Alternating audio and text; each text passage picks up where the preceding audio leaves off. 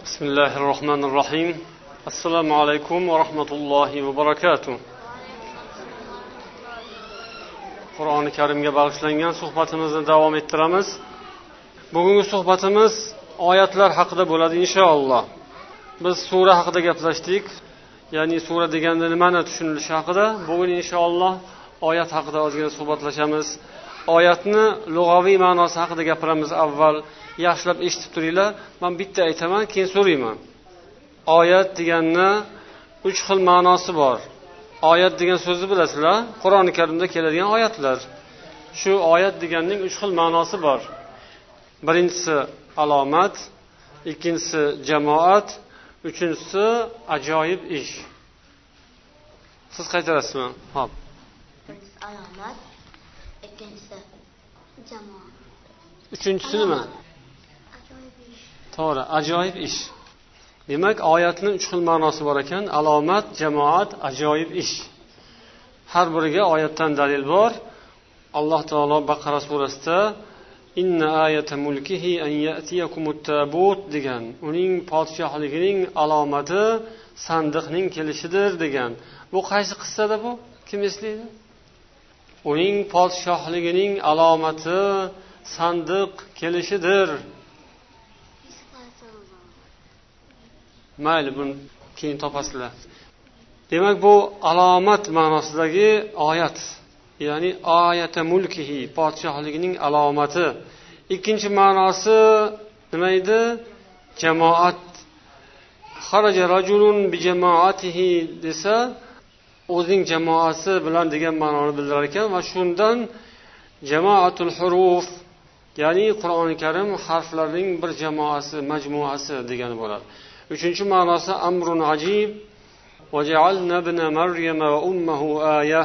Degan. Biz ibn maryamni va uning onasini ajoyib voqea qilib qo'ydik degan. Ibn maryam kim? Iso alayhissalom. Bularni ishlarini ajoyib voqea qildik degan alloh taolo shuni ham oyat degan kalima bilan aytgan ekan. Mana shu maryamning o'g'li va maryam bilan sodir bo'lgan ajoyib voqea nimadan iborat? Uylanishlardan oldin? Kim uylanishdan oldin? Maryam onamiz turmushga chiqishlaridan oldin. Turmushga chiqmasdan u kishi farzand ko'rganlar. Shu ajoyib ish bo'lgan. Shundayam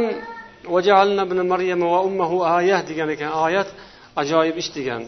Endi buni istilohiy ma'nosiga kelamiz.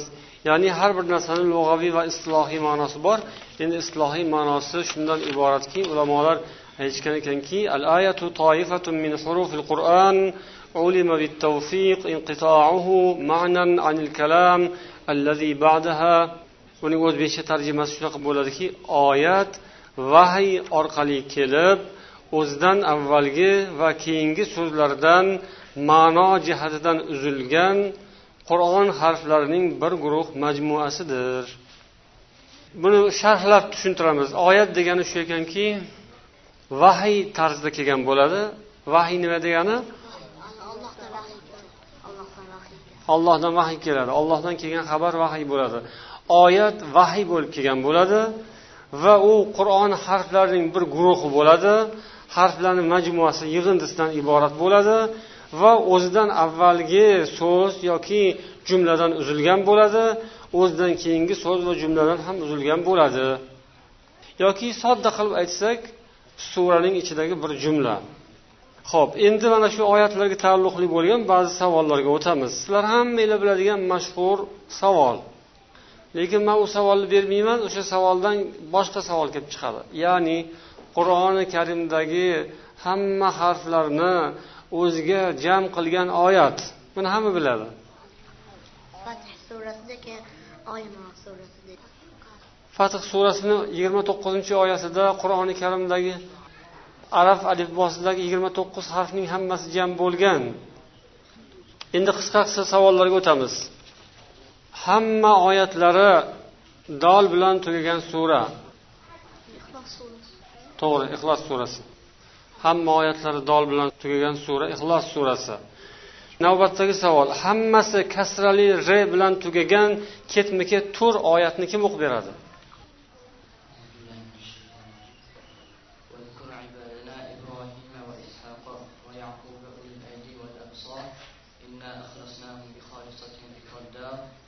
وإنهم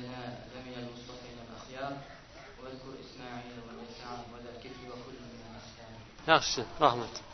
Qaysi sura bu? Sod surasi. Demak bu savolga javob ham chiqdi desak bo'ladi. Yaxshi. Hammanglarga rahmat. Assalomu alaykum va rahmatullohi va barakatuh.